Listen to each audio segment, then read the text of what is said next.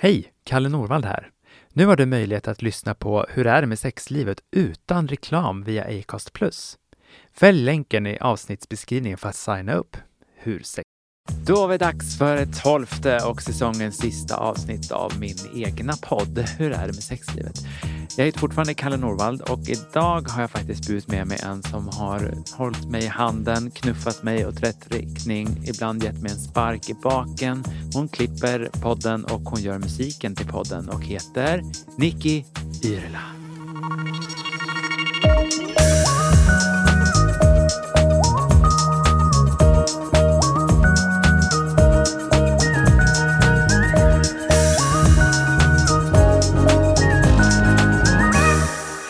Sexlivet med Kalle Norvald?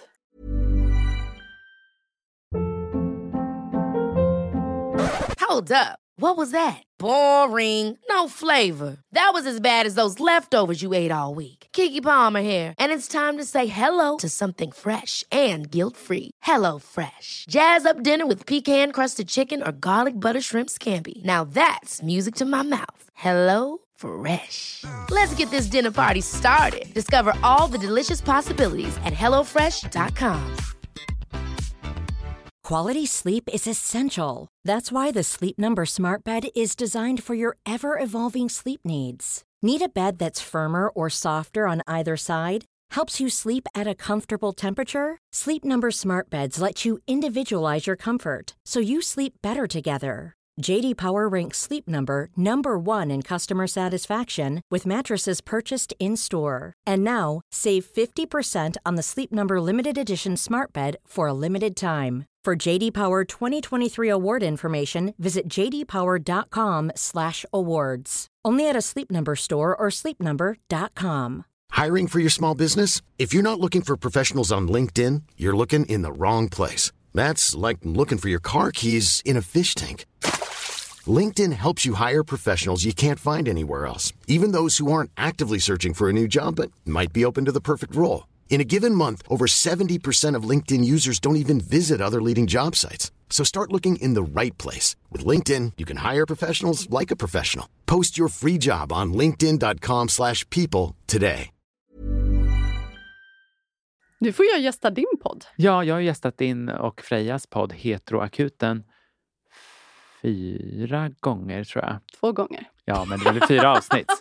Ja, det är det faktiskt. Ja. Det är helt sant. Och det är kanske inte sista gången heller. Nej, jag väntar fortfarande på en inbjudan. Mm, mm. Vicka på Heteroakuten. Men nu är jag här. Nu är du här. Var, Mm. Du är inte bara heteroakutanställd, klippare och musiker. Du är djurmamma. Jag är djurmamma. Jag bor på en ö i Göteborg. Bara det. Ja, bara det. Men när du har klippt podden här, vad har du liksom tagit med dig av att klippa de här elva avsnitten som har gått? När jag spelar in min podd Heteroakuten, som är en relationspodd som besvarar heterosexuella relationsfrågor ur ett lesbiskt perspektiv, så brukar vi spela in väldigt mycket längre än Ja. vad jag klipper. Men i ditt fall så har det ju verkligen varit content hela vägen. Levererar alltså? Mm, levererar. Nej, men jag har tagit med mig väldigt mycket. Alltså, jag har suttit och antecknat en del under tiden också. Jag har fått mycket insikter om olika saker. Blivit eh, irriterad vid något tillfälle. Mycket känslor.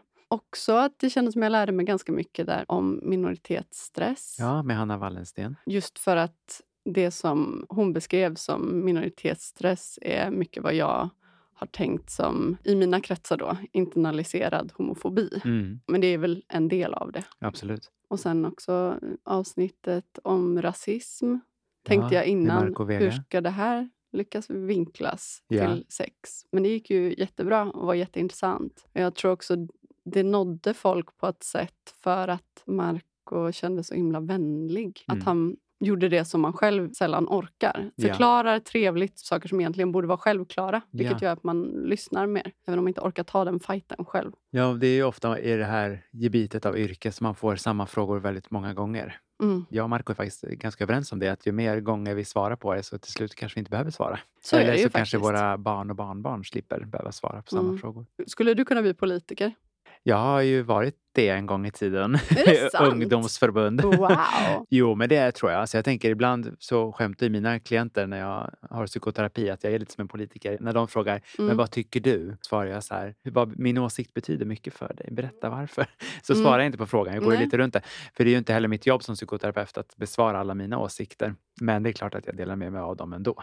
Jag blir nog ofta arg i de sammanhangen. Jag har inte klienter och jag blir inte arg på folk som skriver in till podden. Men Nej. om man får från personer som säger att Mm. hur kan lesbiska knulla om det inte finns en kuk till exempel. Ja. När man har hört den för 50 000 i gången eller får jag vara med eller en Mm. applåd när Absolut. man hånglar eller någonting så är ju jag inte glad och trevlig och besvarar saker längre. Nej, men det där tänker jag är en skillnad. För där är du i ditt privata jag när du är ute på Mm, krogen och hånglar. Eh, hade någon ställt de frågorna mig i mitt privata jag hade jag nog reagerat annorlunda. Mm, än sant. ifall jag liksom är anlitad för att åka och undervisa eller i psykoterapeutstolen så Mm. svarar jag på ett annat sätt. Det är samma sak när du och jag sitter och gör andra saker när vi myser som kompisar. Då sitter ju Mm. inte du och jag och pratar så här. Nej, då hånglar vi. Då hånglar vi mest Ja, det eh, och vi. skriker åt människor på stan. Precis, eller hur? Så ja, jag skulle absolut kunna bli politiker. Mm, absolut, gud vad bra. blir Då startar vi partiet. Ja, Sexlivspartiet. Nej, men jag tänker eh, att det ska heta Mellanpartiet. Eller. Mittpartiet. Vad säger man?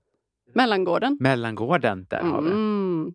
Det Nu skriver, vi, nu skriver vi partiprogram på en gång. Och där fick jag hjärnsläpp. Eftersom det här är säsongens sista avsnitt så har ju vi samlat på oss lite samlade lyssnarfrågor för att någonstans go out with a bang. Så jag tänker så här, att vi bollar lite fram och tillbaka. Eftersom du också har din ingång som egenpoddare så tänker jag att vi delar både på frågorna och svaren. Ja, och så jag kommer ju inte åt. kunna hålla tyst. Nej, ja, det är en av orsakerna för man älskar dig. Så jag tänker att det blir svinbra. Så då tar vi fråga nummer ett. Jag jobbar som socialsekreterare med vuxna missbrukare. Vid utredningssamtal så frågar jag alltid om sexuell hälsa. Möter motstånd hos kollegor som vägrar fråga om något sånt. Och det resulterar oftast i att det är jag som blir miffot mitt i rummet. Det händer ju regelbundet att klienter berättar om övergrepp eller rädsla och oro för att de har någon sexuellt överförbar sjukdom, att de blivit filmade och så vidare och så vidare och så vidare i all oändlighet. Lika med jättemycket viktig information. Utropstecken, utropstecken, utropstecken. Som jag behöver för att kunna erbjuda rätt stöd. Hur tycker du att jag ska prata med mina kollegor om detta? Har du något tips? Filmer, böcker om sexuell hälsa och missbruk? Tusen tack för mycket bra TV, podd och Instagram. Tack själv för frågan. Ja, vilken bra fråga och Verkligen. viktig. Alltså jag är ju gammal sostant från början. Jag jobbade ju mina tre första år som socialarbetare inom socialtjänst. Jag känner ju igen det här scenariot otroligt mycket. Nu jobbar inte jag i huvudsak med missbruk, men hade ju förstås klienter som var i antingen liksom så kallat riskbruk, att man var, brukade mycket preparat som en risk just. Missbruk är ju liksom nästa steg, att man just behöver ha det för att fungera Jag tänker att alla typer av eh, preparat som alkohol eller olika typer av narkotika gör ju också att man tänjer på sina gränser och det är klart att det blir mer, ja, men det blir, att det blir mer övergrepp och att det finns väldigt stor problematik inom det. Jag tycker det är väldigt oroväckande att den här personens kollegor ser henne som ett miffo när det här det är extremt centralt säkert. Men det är precis så. Alltså, oavsett liksom berusningsmedel, allt Mm. från alkohol till all narkotika, så händer ju någonting med vårt omdöme någonstans. Jag brukar lite slarvigt säga just här, men det vet vi alla som har druckit ett, två, tre, fyra glas vin, att så här, det blir lite luddigare i kanterna. Det är på något sätt enklare att både gå över sina egna och andras gränser utan Mm. att man ens kanske registrerar det i stunden. Det är ju inte heller så konstigt att man ofta pratar om alkohol som den absolut främsta någonstans här övergreppsdrogen. Det florerar ju mycket att man tänkte att Rohypnol, det är ju en sån här datingdrog som äh, var trendigt på 00-talet. Otrolig trend. Ja, fruktansvärt.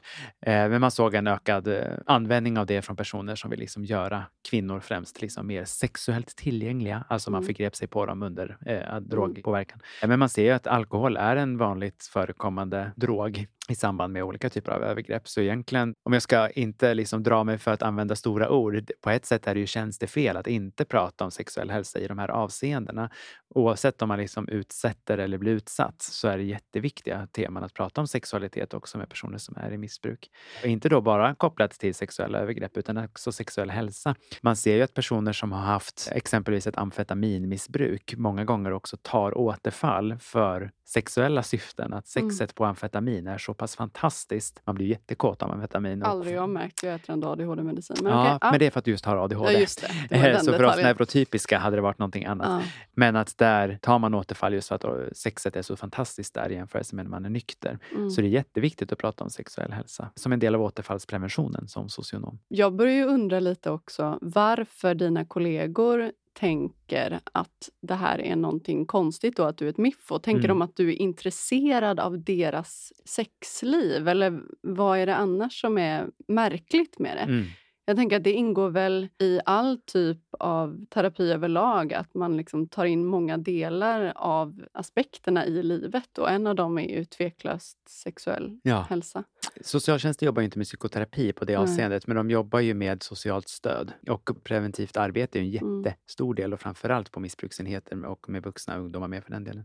Även om det inte handlar om det så tänker jag att det är jätteviktigt att man belyser Mm. och frågar. Ja, men en gång när jag var, det var inte så länge sedan, det här låter ju som ett skämt, men jag hade ramlat i bastun. Det var exakt vad jag hade Jag känner ju dig, jag tänker att det inte alls är ett skämt. Nej. Det är helt, helt in character. Men jag hade ramlat i bastun. Hela armen var helt blå. Och Ja. så var jag hos min läkare som frågade mig ifall jag hade en relation där jag blev misshandlad. Och det är ju jättepositivt. Jag tänker att det är en sån sak Ja. som ingår i alla yrken där man på något sätt har hand om människors Mm. hälsa och välmående, på vilket sätt den är. Misstänker du någonting ska du säga till. Och du frågar ju också om olika typer av boktips och jag kommer också lägga in länkar till dessa böcker jag nu nämner i avsnittsbeskrivningen. Första boken vi rekommenderar den är skriven av Hans Knutagård som är en socionomkollega till mig som heter Sexualitet och socialt arbete som tar upp sexologiska spörsmål utifrån ett socionomperspektiv i olika sätt. Sen vill jag också rekommendera Sexologi för psykologer och psykoterapeuter. Det är en bra grundbok just som beskriver sexologi ur lite olika perspektiv. Eh, Jag är lite partisk i och med att jag har skrivit två kapitel i den. Jag har skrivit ett kapitel om psykoterapi efter sexuella övergrepp och ett om sexologisk rådgivning för transpersoner. Men som sagt så ger det också en bra ram för att tänka sexologiskt i även socialt arbete och inte bara i psykoterapi. Oj, gud, stan. Då kör vi fråga nummer två.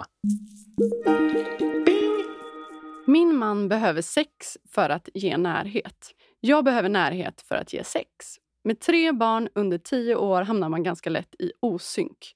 Hur kan man komma runt det här och varför är det så?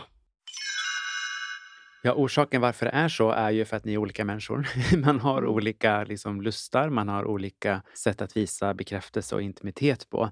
Det här är ju en av de absolut topp tre vanligaste sökorsakerna till mig för parterapi. Det är just att man har olika sätt att både ge och få bekräftelse och behoven allt däremellan. Det finns ju ingen superenkel lösning på det, men mitt standardtips som jag brukar tycka ändå hjälper ganska många människor, det är ju att bredda perspektiven på vad lust är för något. Att det inte bara behöver handla om liksom lusten till sex och intimitet, utan också tänka på lust att göra roliga saker tillsammans, stort som smått. Har man tre barn under tio så tänker jag mig att det är ganska mycket annat som man måste syssla med, liksom praktikaliteter. Så man kan tänka att spela ett parti Yatzy tillsammans för att få liksom en kontakt med varandra. Eller kolla på en rolig film tillsammans. Göra någonting som bara är Skeda för i er två. soffan. Skeda i soffan, det är inte att Mm. underskatta. Hitta den här berömda kompromissen någonstans. Det innebär inte att ena parten ska liksom förneka sina behov, utan det är ju att få till det här mötet. Jag tänkte att det känns som en väldigt vanlig fråga. Det är ju ganska vanligt just det här med, att, eller väldigt vanligt, att folk har olika lust. Men också så känns det som en ganska heteronormativ sak kring att mannen vill ha sex som ingång. Ska jag då berätta ja. någonting som kommer skaka om din värld? Berätta. På min mottagning är det nästintill alltid tvärtom. Är det sant? Att det är mannen som har lägre lust i jämförelse med sin kvinnliga partner i heterosexuella relationer. Mm. Nästan till 80-85 procent skulle jag säga att det är så. Sen ska vi inte säga att det är så liksom på nationell eller global nivå. alltså enligt forskningen så är det ju precis det du är inne på, att det mer är så. Ja. Är det Eh, machokulturen då? Jag tänker att de som söker sig till dig Ja. kanske har en annan kontakt Ja, men jag med... tror kanske att det beror på att jag själv identifierar mig och lever som man. Eh, att Ja. man då som annan man söker mig för att kunna liksom få någon form av kontakt med det. Mm. Det finns ju inte jättemånga manliga praktiserande sexologer Mm. Eh, Och då kanske man vågar närma sig de här temana i relation till mig på ett annat sätt. Mm. Men många gånger handlar det ju mer om på individbasis och inte jättemycket kopplat till genus. Så egentligen är det här tipset som jag gav tidigare kan vara applicerbart oavsett vilken Ja, könsidentitet man har.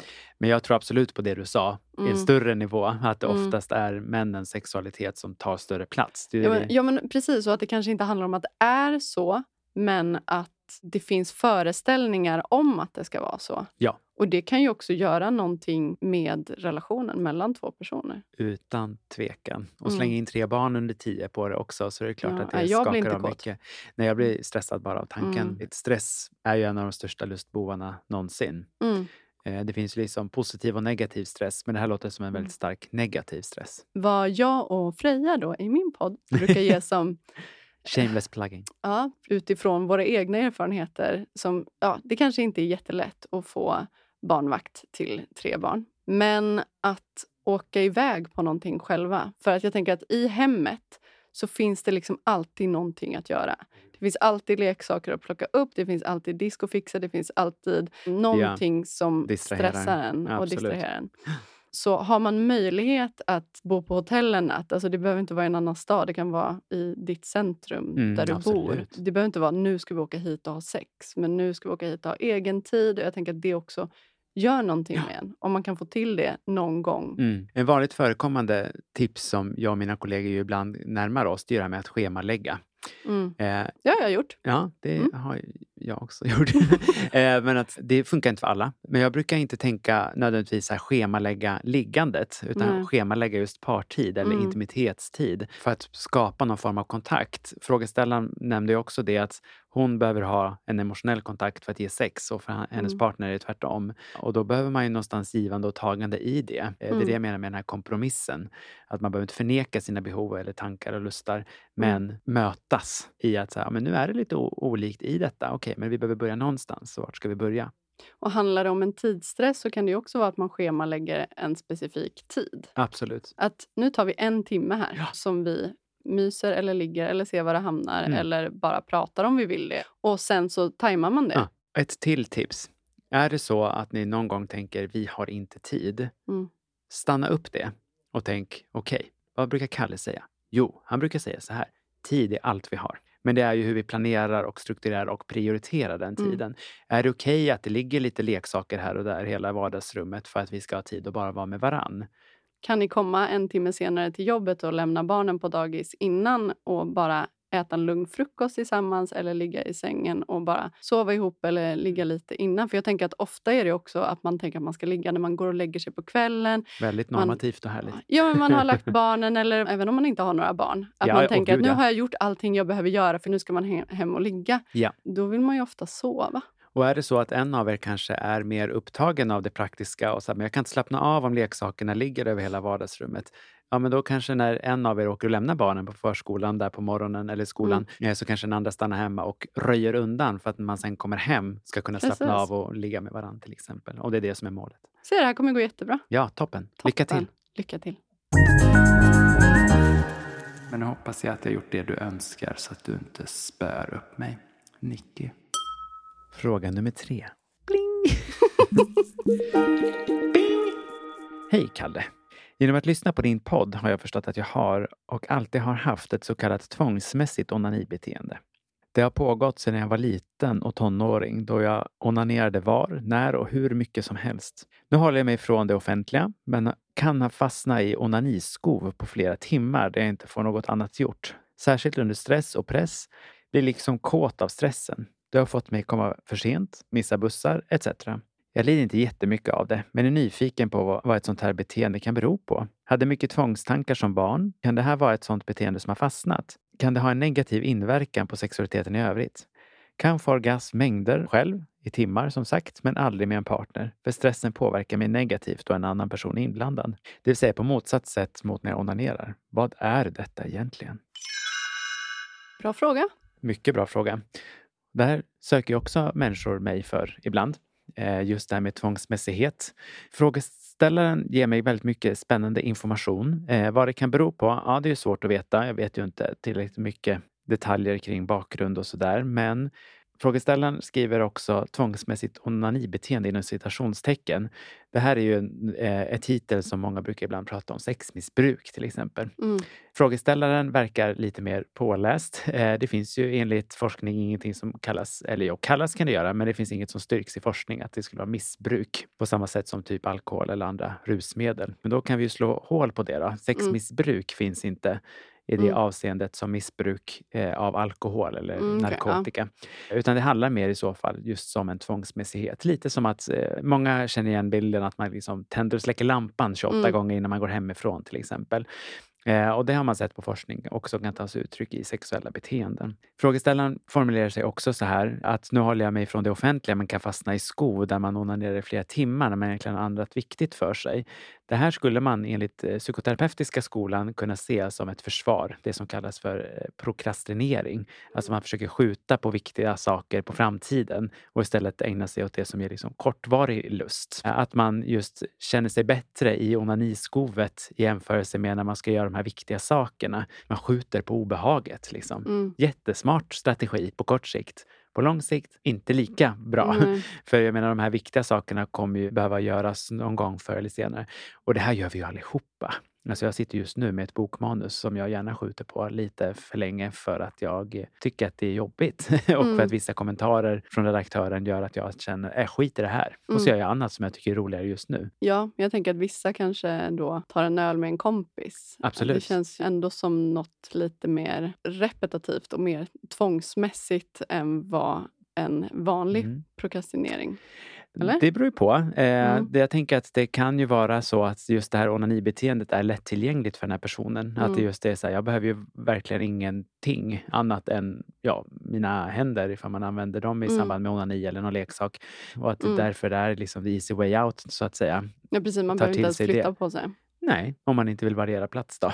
Man skulle också kunna se frågeställarens problematik eller utmaning i det här är ju också att kanske hantera någon form av ångest. Då är ju Mm. onani också jätteeffektivt. Delvis är det ju snabbt och enkelt att ta till. Det är också skönt. Och att man får någon form av kortsiktig ångestlindring. Mm. Men är det här sex eller är det mer tvång? Ja, med tanke på det- att personen är, har svårt att komma med en, En annan person. Ja, Mm. precis. Från mitt perspektiv så tolkar jag det mer det här som en fråga om kontroll. Mm. Just att man har en kontroll som man har kontroll över när man är på egen hand. Men Mm. kontrollen i relation till annan går förlorad, tolkar man det som. Att man kanske har svårigheter att ge sig hän i relation till en annan människa och därför Mm. får svårare eh, att få orgasm med en annan person. Jag har hört om folk som har på något sätt lite liknande, fast då det inte handlat om onani, utan då det har handlat om till exempel träning. Ja. Att man liksom tar en väldigt stark kontroll över kroppen Mm. genom att lära sig. Ja, men man lär sig att bli stark, man lär sig att kontrollera sina rörelser och kroppen, Mm. men som har jättesvårt inom det sexuella Mm. och kontakten till en annan Precis. person. Och det är egentligen samma psykologi kanske också i relation till ätstörningar. Att här, men jag, Mm. jag har svårt att kontrollera saker i min omvärld, men mig själv och mitt ätande kan jag Mm. kontrollera. Och det är lite samma psykologi här. Att jag med Mm. mina händer på mitt kön och det är så man onanerar, det kan jag kontrollera. Men sen en annan person som jag ska relatera till, vars lust och kropp jag ska relatera till, som också sen ska relatera tillbaka till mig, så blir det ju en kontrollförlust i det. Och det är ju det som många tycker om i relation till sex, att ge sig hän i relation till någon annan, men andra tycker att det är svårare. Sen kan man ju fortfarande ha en önskan om att få vara där och ge sig hän och släppa kontrollen. Men att liksom ens invanda mönster är lite svåra att bryta. Men insikt är första steget. Så jag tänker när frågeställaren verkar ha mycket självinsikt och kunna tänka om sin situation. Och det är alltid en fördel i de här sammanhangen för att kunna få till någon form av förändring om man önskar. Nu skriver ju henne att det inte är så mycket lidande i det här utan mer finns en nyfikenhet på vad det här kan bero på. Men tänker du att det kan påverka sexlivet då? Eller har det med varandra att göra överhuvudtaget? Jo, men det kan det ju. Ja. Allt påverkar ju sexlivet i olika jo, nivåer. Precis. Men i vilken nivå är svårt att veta just utifrån den här frågan. Men allt Mm. vi gör påverkar sexlivet. Men gud, vad är det jag säger Nicky? Vi gör om. Fråga nummer fyra. Hur pratar man om sex med sin partner när ämnet blivit som elefanten inom citationstecken i rummet? Vad ploppar upp för spontant svar hos dig, Nicky, på frågan? På ett sätt så är det ju lite en generell fråga. Man Japp. kan ju ställa sig frågan varför det har blivit elefanten i rummet, när det blev det. Om det handlade om efter den första tiden med intensiv sex. Efter ett tag brukar ju folk få lite olika sexlust. Om det var då det blev jobbigt att prata om det. Mm. Och vad man har för kommunikation i övrigt. Ja, för det där är ju en jätteviktig lärdom just det här. Hur pratar ni om svårare saker i andra avseenden som inte är sexuella? För där kan man få hur mycket kunskap som helst. Att Ja. gör ni när något annat som ni kanske är i konflikt kring? Hur pratar ni då? Och är den elefanten i rummet för att ni inte längre har sex? Eller är det att det bara sker på någons villkor? Precis. Eller att det inte utvecklas på rätt sätt? Det är ju, finns väldigt många Mm. aspekter av det som det skulle kunna vara. Men vi kan ju utgå från då att de kanske har ett väldigt minskat Mm. sexliv då, om vi nu ska välja någon vinkel Ja, det. här pratade jag ju med Malin Drevstam om tidigare i säsongen. Avsnittet som heter Hur pratar jag sex med min partner? Som är podcastens andra avsnitt om man vill fördjupa sig lite mer. Ett råd är ju att ta upp det med partnern förstås. Mm. Eh, många, jag vet inte, tappar räkningen på antalet personer som säger att men det är så svårt att ta upp den här frågan för att det är jobbigt. Men om Och man ändå jag- har en djup relation med personen, Ja, det är ju massa saker i livet som är jobbiga. ja. För livet, Livet kan är vara ju jobbigt. och om det inte är om allt annat flyter, då Mm. får man ju bara säga grattis. Men, Ja, men lägg det på bordet. Lägg elefanten på bordet. Inte som i att varför ligger vi aldrig längre? Eller varför är du så dålig på att få erektion? Det tänker jag kanske inte att frågeställaren skulle göra. Eller Vet du, du eh, anar tyck- inte hur många som gör det inte så. Du, är det så? Ja. Tänder inte du på mig längre? Utan kanske ska vi prata om vårt sexliv? Ja. Man kan till och med göra ett litet konstaterande innan. Så här, jag har ett tema här som jag skulle vilja prata med dig som jag, jag tycker att det är jobbigt. Men för vår relations skull så skulle jag vilja att vi pratar om det. Jag vill prata om hur vi ligger med varandra. Att liksom konfrontera elefanten i rummet. Och jag menar, det är en metafor just som visar att så här, ni båda någonstans är medveten om att det här är just en stor fråga som är viktig för er båda. Eller om ni är lite... Nu, det, det här kan ju verkligen slå fel, men jag tänker att om ni är lite lekfulla med varandra, varför inte göra en liten box med olika ämnen som ni Ja. ska diskutera för att bara så här, lära känna varandra på nytt. Och så kan en av de lapparna vara sex, någon Mm. kan vara onani, någon Mm. kan vara Matlådor. matlådor eller bara semester, Ja, framtiden. variera intensiteten i det. Varva lättsamma Mm. och svårare ämnen. Döden. döden. Eh, nu prickar hon rätt min känsliga tema som jag tycker är svårt att prata om. Det är inte för inte att alla de här liksom, frågelekarna någonstans har gjort succé som ju jag tänker att du tar inspiration av. Just Mm. alla de här, så här, ställ de här 36 frågorna så blir ni kära i varandra. Som att det skulle vara så enkelt. Men att kommunikationen och samtalen någonstans också är en form av intimitet. Att intimitet inte bara behöver vara liksom vaginala penetrerande samlag utan att det kan vara mycket, mycket mer. Ja, och sen också precis som att sexlivet ofta flyter ganska lätt från början, precis som kommunikationen. Det hänger ju samman allting. Ja. Och att efterhand så kan det också bli att man pratar om samma saker. Man pratar om jobb, man säger hur har du haft det på jobbet? Jo Mm. men bra, eller Mm. ja det var lite tråkigt. Mm. Eller man pratar om barnen eller man sådär. Så det kan ändå vara bra att peta in lite nya frågor och det kan ju göra att man väcker någon typ av lust till ja. sex eller intimitet. Eller bara hångla. Mm. Många av er som har skickat in frågor handlar just om det här. Eh, I lite olika formuleringar förstås, men också så här, men en har mer lust än den andra, en har slutat ta initiativ. Men jag menar, alla de här spörsmålen har ju det gemensamt, det är ju att de behöver prata på ett Mm. annat sätt, på ett tydligare sätt. Ja, jag tänker att allting behöver ju pratas om vid förändringar. Om man märker att någon slutar prata om en viss sak, Mm. man själv kanske slutar ta initiativ Ja. till sex. Ja, nu är det så här. Kan vi bara diskutera lite om det? Man behöver inte ha ett svar. Nej. Och man behöver inte komma fram till någonting heller. Jag tror bara liksom att Nej. lyfta upp det i ljuset och säga okej, vi har mindre sex nu än vad vi hade i början. Båda kanske är nöjda Ja. med det. Eller Inte. skulle, har du något nytt du skulle vilja testa? Eller Ja, jag tänker att det är inte för intet att just avsnittet med Malin Drevstam om hur man pratar sex med sin partner är det mest lyssnade på hela säsongen. Och det speglar också frågan när vi fick in till det här avsnittet. Mm. Alltså att många saknar någon form av redskap att prata om det. Ja, men det är väl därför också folk går i terapi. Man ställer ju frågor som folk i världen har Ja. ställt förut. Men det är ju alltid personligt. Alltid. Fråga 5. Vi har bestämt att vi ligger på söndagar. Är det vettigt att göra så? Det funkar i och för sig för oss. Ja, allt som funkar funkar väl, tänker jag. Tänker jag med. Grattis. Fortsätt. Grattis. Byt dag om du slutar passa. Lägg till en till dag om ni vill ha mer sex. Det är podden för dig som tycker om att... Vad fan har jag skrivit här? Ja, jag frågar på nu. Här Ja, bara. kör! Är det bara jag som tycker att oralsex är mycket mer intimt och blottande än penetrationssex? Nej. Nej, är det korta svaret.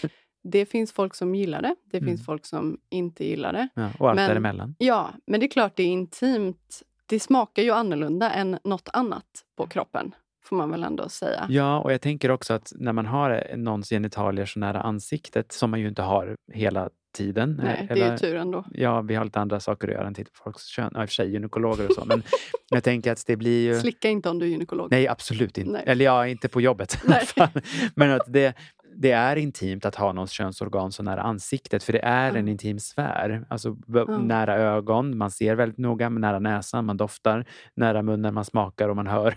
Och Alltså att att det- personen som ligger mellan ens Mm. ben är så långt bort från en. Det Ja, gör att man är väldigt precis. sårbar där uppe och Ja. att det är tomt. Men det, jag tänker att det också frågeställaren Mm. benämner också det som blottande. Ja, men Mm. det, för att det är det. Ja, och vissa och gillar det och precis. vissa gör det inte. Det är ju lite som att personen kanske känns mer som ett redskap när man inte känner personen nära en. Och Mm. det kan ju vara jätteupphetsande, men det kan ju också vara obehagligt. Ja. Men ett tips kan ju vara, om man ändå vill ha oralsex, Mm. Det är till exempel att man lägger en filt över huvudet på sig eller på den som är där Mm. nere. Ja. En tunn då, som man inte svettas ihjäl. Ja, För att ibland kan det kännas jobbigt om någon går ner på en, att, den, att ens egna ansiktsuttryck kan bli så tydliga att det kan kännas väldigt blottande. Så täck dig själv lite om du vill. Eller lägg en kudde emellan. Och sen handlar det om, ifall man liksom ändå har ett sug av att ha oralsex, är ju att liksom det som vi terapeuter också kallar för exponera sig lite lagom för det eventuella obehaget för att sen liksom öka på och så kommer obehaget också till slut reduceras om man har en vilja att det inte ska vara så. mm. Men också, viktig sak, man måste inte ha oralsex. Man måste inte som heterosexuell kvinna Nej. ha penetrativ sex. Eller man för den delen. Men man Nej. måste, man måste liksom ingenting. Och sen kan man prova igen om det är roligare om en vecka eller tre. Who Precis. knows? Oj, hur är det nu? Bra. There's never been a faster or easier way to start your weight loss journey than with PlushCare. PlushCare accepts most insurance plans and gives you online access to board-certified physicians who can prescribe FDA-approved weight loss medications like Wigovi and Zepbound for those who qualify. Take charge of your health and speak with a board-certified physician about a weight loss plan that's right for you. Get started today at plushcare.com slash weight loss. That's plushcare.com slash weight loss. plushcare.com slash weight loss. Ever catch yourself eating the same flavorless dinner three days in a row? Dreaming of something better? Well, HelloFresh is your guilt-free dream come true, baby. It's me, Kiki Palmer. Let's wake up those taste buds with hot, juicy pecan-crusted chicken or garlic butter shrimp scampi. Mm. Hello Fresh. Stop dreaming of all the delicious possibilities and dig in at HelloFresh.com. Let's get this dinner party started.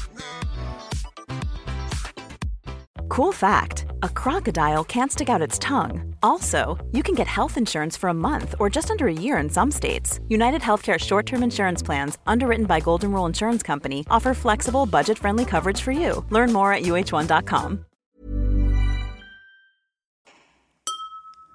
Men jag ställer den här frågan till dig också, för det handlar om mm. dig. Handlar den om mig? Nej. Hoppas. Fråga nummer någonting. ADHD hos kvinnor och sexualitet. Det finns ju knappt någon forskning på det här förstås. Men vad Mm. säger vi om det? Du har ju Ja, ADHD. Du har jag ju varit har ju det. Jag kan ju bara forska på mig själv. Det som är vanligt när man har ADHD det är ju att man har svårt med fokus. Eller att man har väldigt bra med fokus, som hyperfokus till exempel. Mm. Och där kan det ju vara svårt, till exempel i början av en relation kan jag uppleva att jag har väldigt lätt för fokus. Eh, och sen så kan det bli svårare när det blir mer nyanser i relationen. Ja, men jag tror alla känner igen att hjärnan kan sväva iväg. Mm. Men den kan ju sväva iväg i en jäkla fart när det kommer till ADHD. Som en flerfilig motorväg har jag hört Ja. klient säga. Och sen olika typer av psykofarmaka man eventuellt tar Verkligen. kan verkligen, verkligen påverka. Jag är ju bra på att säga privata saker, så det kan jag lika gärna säga. Första gången som jag testade en ny antidepressiv medicin. Jag brukar ha väldigt lätt att komma. Det var som att bara, men det händer ju ingenting. Nej. Det händer ju, så bara, nej nu jäklar, nu lägger jag ner allting här. Nu ska jag bara se till att komma. Mm. Och efter typ 45 minuter kom det något som var som en liten musprutt. Liksom. Mm. Det var inte spännande. Och jag vet andra som tar antidepressiv medicin som har tappat sexualiteten helt. För mig Mm. var det en invändningsprocess och det blev bättre sen. Men alla typer av medicin kan ju ha påverkan. På, Ja, det är ju något man också märker när läkare förskriver. Antingen, det behöver inte vara bara vara Mm. SSRI-preparat eller antidepressiva, utan det är ju medicin generellt sett att man lite glömmer bort sexualitetsdelen och Mm. eventuella biverkningar på det. Och just kopplat till antidepp så har man ju förstås forskat på det och märker ju att lusten blir något neråt, alltså Mm. blir förändrad åt det negativa hållet. Men det finns faktiskt också de som får en ökad lust av Mm. SSRI-preparat just för att depressiviteten eller nedstämdheten som var så otroligt intensiv innan, Precis, det gör ju minskar. inte heller en så väldigt sällan. Men även liksom ADHD-medicin, om man då också tar SSRI-preparat, det vill säga antidepressiva eller lugnande eller sådär, så riskerar jag att man blir väldigt muntorr. Och blir man muntorr så kan ju annat också torka. Så mitt eviga tips, använd glidmedel och inte bara när det kommer till penetration. Nej, normalisera glidmedel. Ja, verkligen. Det är toppen. Nu, trailer på riktigt. Puss puss, jag tar inte bort det här för jag vet att du njuter av att höra sånt här snusk.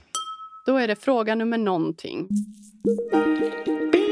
Partner med erektil dysfunktion. Hur ska man tänka? Tar mycket energi från relationen, tyvärr.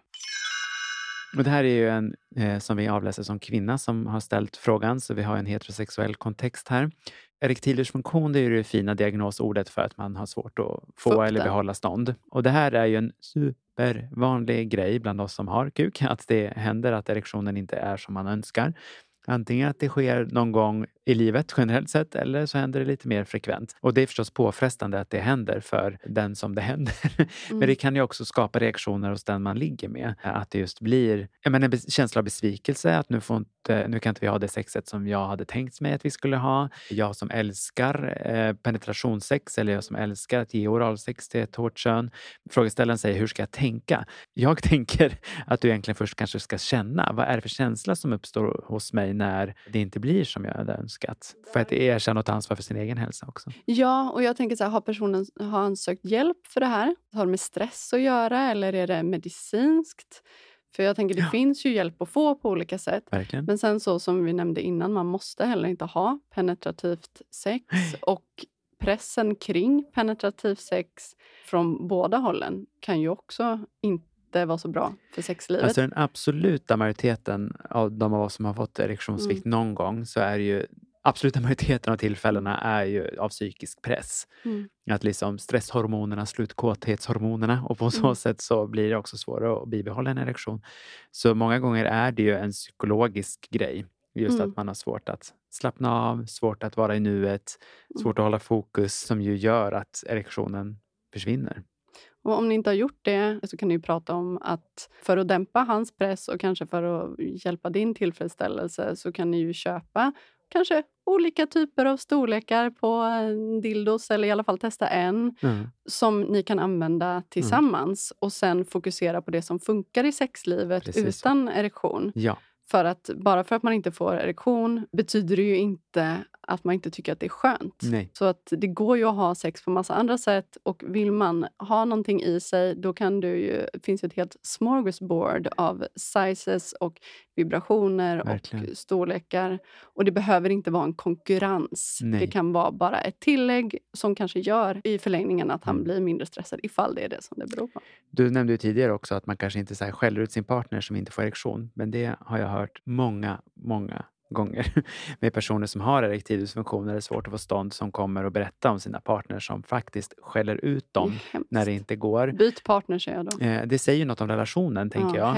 jag. Eh, Att man också blir utskälld. Då blir man inte heller liksom hårdare av alla gånger för man inte har en mer sån här submissiv sida. Då kanske, men det är ju inte det vi riktigt pratar om Och bara en generellt suck kan ju också vara väldigt så... Alltså, Aggressiv. Eller att man vänder Ja. ryggen eller att man går därifrån. Eller Mm. bara liksom... Hepp, då får jag väl göra tyst. det själv då. Ja, något. och det skulle man i och för sig kunna göra. men då får man Absolut, prata men- om det på ett annat sätt.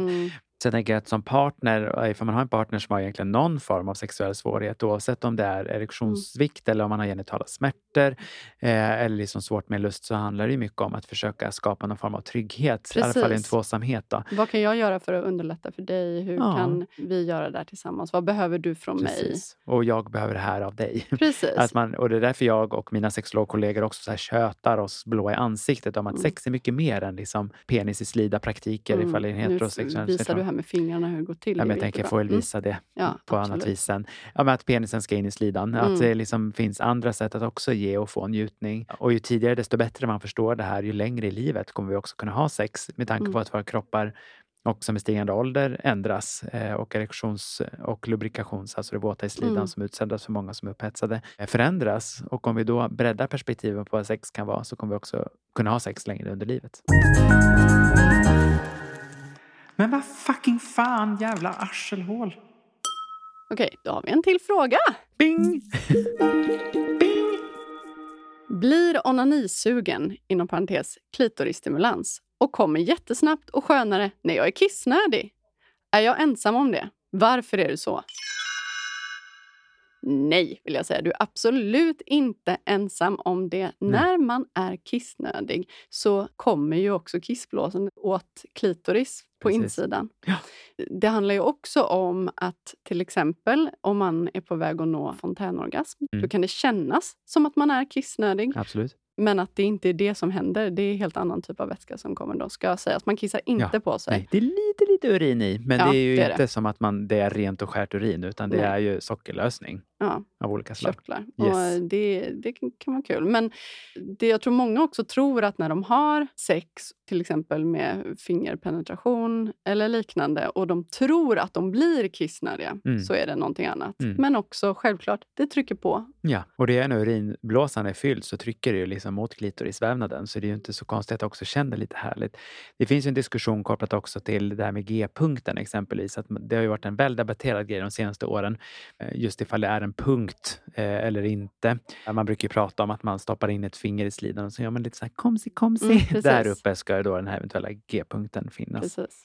Men vad nyare forskning just visar är ju inte att det är en punkt, utan att det är Mm. ett område. Man brukar förkorta det som CUV eller SUV-komplexet. Mm. Som Eh, bilen. Som bi- CUV. Jaha, okej då. Okej, Ja. Men det var nära. Det var nära. Men att man pratade om området där klitoris, urinröret och eh, själva vaginan liksom någonstans möts. Så att det där området är skönt att bli stimulerad på. Eh, vilket ju förklarar sig i hur klitorisvävnaden också förklaras. Som man tänker att det historiskt sett ju har varit den lilla ärtan bara som syns. Alltså själva klitorisollonet som man ser från utsidan. Men klitoris är ju mycket större. Mm. Eh, Och det här måste vi prata om, för att du sa i något avsnitt Aha. att folk tror att klitoris är så himla liten. Ja. Och då skrev jag som en liten anteckning, hur stor är klitoris? Hela klitorisen är ju ungefär ja, strax under en decimeter allt som allt. Och då ser man hela klitorisollonet, det är det man ser från utsidan. Och sen har klitoris också fyra skänklar som ju liksom klär in själva slidöppningen. Det ser, det ser ut lite som en sån här pinne som man an, använder för att leta efter vatten. Alltså nu var det länge sedan jag var scout alltså. Nej, Jag har inte varit det, men, sånt, men en pinne med två grenar på. Ja, och och sen fyra. så är det två Ja, ytterligare till, två till. i mitten. Googla om ni inte vet. Det Ja. är intressant. Men storleken visste jag faktiskt inte riktigt. Nej, den är, ganska, den är mycket större än vad man tror. Och det här är ju ganska färsk kunskap. Jag tror det var någonstans liksom på 90-talet man förstod att klitoris var så pass stor än vad den Mm. faktiskt är. För annars har man ju tänkt sig att det är den där lilla ärtan, klitorisollonet, som man ofta benämner som en ärta. Det tänker jag också är någon form av nedvärdering av fantastiska vävnader. Intressant när forskare och män då äntligen börjar intressera sig lite för kvinnokönet. Ja. Bättre sent än aldrig, så att säga. Så att säga. Ah! Nej, klipp bort det där. Bing! Hej Kalle, jag undrar varför sexlivet är så viktigt egentligen i en parrelation. Här är ju en jättebra fråga. Det känns som att det liksom ringar in denna första säsong. Eller hur? Sex för vissa är jätteviktigt, för andra inte lika viktigt. Men jag tänker att sexualitet ju inte bara heller är just att göra själva sexet. När jag jobbar med sexologisk psykoterapi så involverar jag ju många fler delar än bara praktiken i Mm. sexet, utan också hur man känner, hur man mår generellt sett, vad man går för tankar och fantasier om saker och ting, att det är också en jätteviktig del. I sexualiteten och i relationen. Det är ett stort möte som händer när man har sex, men också när man Mm. delar med sig om intima tankar och funderingar och känslor med andra. Just i början av en relation så kan det ju för många vara ett sätt att skapa intimitet. Klart att det är intimt, men också en annan typ av intimitet. Tillit och vad ska man säga, sårbarhet inför varandra. Mm. Men jag menar, det finns också personer som är asexuella och är romantiska och lever Precis. fullgoda liv utan sex. Ja. Och även folk som bara helt enkelt inte Vill. Nej, och i perioder inte har lust. Och det är helt okej. Men då kan det vara bra att prata om Det. det. Vi lär oss ju också sexualitet på en rad olika sätt. Och vi lär oss det ju ofta också att det är någonting som ska finnas i en parrelation. Och man kan ju tycka att det är hycklande att jag nu så här, efter snart 12 avsnitt av den här podden säger att ja, men sex kan ibland också vara lite överreklamerat. Att så här, man måste inte ha sex för sakens skull. Du sa ju också en jätteviktig komponent här är ju också att lusten till sex i en parrelation varierar ju också över tid. Kommer och går. Alltså jag menar, är man Mm. jättestressad, har massa deadlines på jobbet, man kanske ska lämna in fyra tentor samtidigt och man har tre barn under tio, som en annan frågeställare ju hade idag, så är det klart att lusten inte blir högre av det. Och det är också helt okej att pausa det. Men jag brukar ju också tipsa då om när man märker att man inte har så mycket kontakt med sin lust, att också vara transparent i det. Att Mm. just nu är det en pressad situation för mig, så jag kommer inte vara lika sugen. Eller just nu är jag bara inte så sugen. Ja, man behöver inte alltid förklara Mm. det eh, eller försvara sina känslor, men det beror ju helt på vilken relation man har förstås och vilken vana man har att prata om Mm. känslor och upplevelser. Men är, är du som lyssnar också kanske i startgroparna i en ny relation, starta redan nu traditionen att prata. Ja, men precis. Och sexlivet, på något sätt så handlar det ju inte bara om sex. Alltså jag tänker att sex som fenomen, alltså med tanke på all katastrofal skit som det finns där ute, som är så här, tio sätt att få honom att tända på dig. ja. På det sättet så är det ju överreklamerat av prutt som finns där ute. Men däremot så, för mig är intimitet viktigare än sex. Om man har en period där man inte orkar, är stressad, att man ändå tar tid med att ta i varandra eller vara nära och bekräfta varandra och prata med varandra. Just av den anledningen så är det också viktigt att ha en öppen dialog med sin partner i den mån det är möjligt. Som vi sa innan, skeda i soffan eller bara ha handen på någons knä medan man ser en film. Alltså, Många bäckar små, vet du. Precis. Det var någon frågade med Malin Drevstam Ja.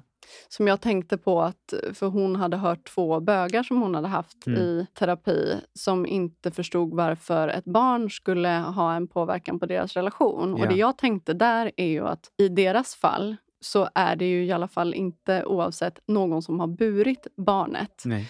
Och att bära ett barn är ju en chock för kroppen som man behöver återhämta sig från oavsett om du har haft en jättebra förlossning. Ja. Men också en mental breakdown, vilket det självklart är om man är två nyblivna pappor också. Men den kombinationen gör ju också att det kan vara svårt att starta upp igen. Och i de fallen så tänker jag att det kan vara bra att inte bara, okej, nu har vi inte rört så mycket vid varandra, nu sätter jag på mig en strap-on här om man Ja. är lesbisk. Utan att man börjar med att öva upp intimiteten. Alltså precis som du är inne på och som jag också vill klargöra att jag menar kommunikation är ju inte något som bara kommer naturligt utan det är ju en social färdighet som man måste öva på. Mm. Och jag tipsar ju alltid människor som går in i relationer oavsett om det är privat eller professionellt Mm. att här, öva på kommunikationen snabbt. Mm. Eh, både när det kommer till liksom lättsamma saker men också det svårare som sex ibland kan vara. För då blir ju också de här svårare ämnen lättare sen i framtiden att också närma sig. Ja, det, det är också en så märklig grej som man har för sig. Att till exempel frågar ens vänner eller dig eller min podd att Japp. vad tänker han Ja. eller hon? Ja. Istället för att fråga personen vad den Precis tänker. så. Hur ska jag Vad, lösa vad menar hen när den säger så här eller vad, när den gör så här? Det är bara så här, fråga. Japp. Prata med den som du står när, Våga närmast. fråga. Mm. Då ska vi se. Lava, lava, lava. Ever catch yourself eating the same flavorless dinner three days in a row? Dreaming of something better? Well, HelloFresh is your guilt-free dream come true, baby. It's me, Kiki Palmer. Let's wake up those taste buds with hot, juicy pecan-crusted chicken or garlic butter shrimp scampi. Mm. Hello Fresh. Stop dreaming of all the delicious possibilities and dig in at HelloFresh.com. Let's get this dinner party started. When you make decisions for your company, you look for the no-brainers. And if you have a lot of mailing to do, stamps.com is the ultimate no-brainer. It streamlines your processes to make your business more efficient, which makes you less busy. Mail checks, invoices, legal documents, and everything you need to keep your business running with stamps.com. Seamlessly connect with every major marketplace and shopping cart. Schedule package pickups and see your cheapest and fastest shipping options from different carriers. With rates up to 89% off USPS and UPS rates. And with the Stamps.com mobile app, you can take care of mailing and shipping wherever you are. Make the same no-brainer decision as over 1 million other businesses with Stamps.com. Sign up with Code PROGRAM for a four-week trial, plus free postage and a free digital scale. No long-term commitments or contracts. That's Stamps.com. Code PROGRAM. Men vet du, det har ju också ställts en rad olika frågor här under våren. Ja. Det har ju ställts så pass många frågor att du och jag och Acast har ju bestämt oss att vi kör en säsong till. ja! Vi kommer 12 avsnitt till av Hur är det med sexlivet med mig, Kalle Norvald och klippt och medproducerat av dig, Nicky. Ja. Så lätt kan det också gå att fatta lustfyllda beslut. Så vi kommer höras igen när hösten närmar sig. Så vi och kör lite till för att komma närmare något form av svar hur det är med sexlivet. Och har ni något önskemål om vem ni tycker ska gästa eller något specifikt ämne ni vill ta upp eller en fråga ni vill ställa så mejla det till hur är det med sexlivet gmail.com Eller skriv till mig på Instagram på sexolog Kalle Norvald. Och ännu hellre, läs in en fråga själv så slipper vi hitta folk som läser in frågor. Det är roligare om ni faktiskt är med Precis, ännu mer än vad ni är. Det lovar vi. Men vet ni, jag har faktiskt lite mer att säga. Så under sommaren här så kommer vi varje vecka fortsätta släppa något kortare avsnitt av Hur är det med sexlivet? Där jag tar chansen att få djupdyka lite i vissa typer av sexologiska spörsmål som jag har märkt eh, flyger upp lite på kartan kring vad ni vill veta.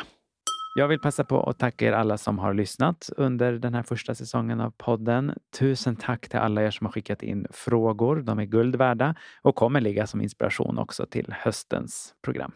Ta hand om er, puss och kram och vi ses och hörs. Och tack för att jag fick vara med, Kalle. Det var Tack att roligt. du ville vara med, Vicky. Det var Puss. roligt. Puss!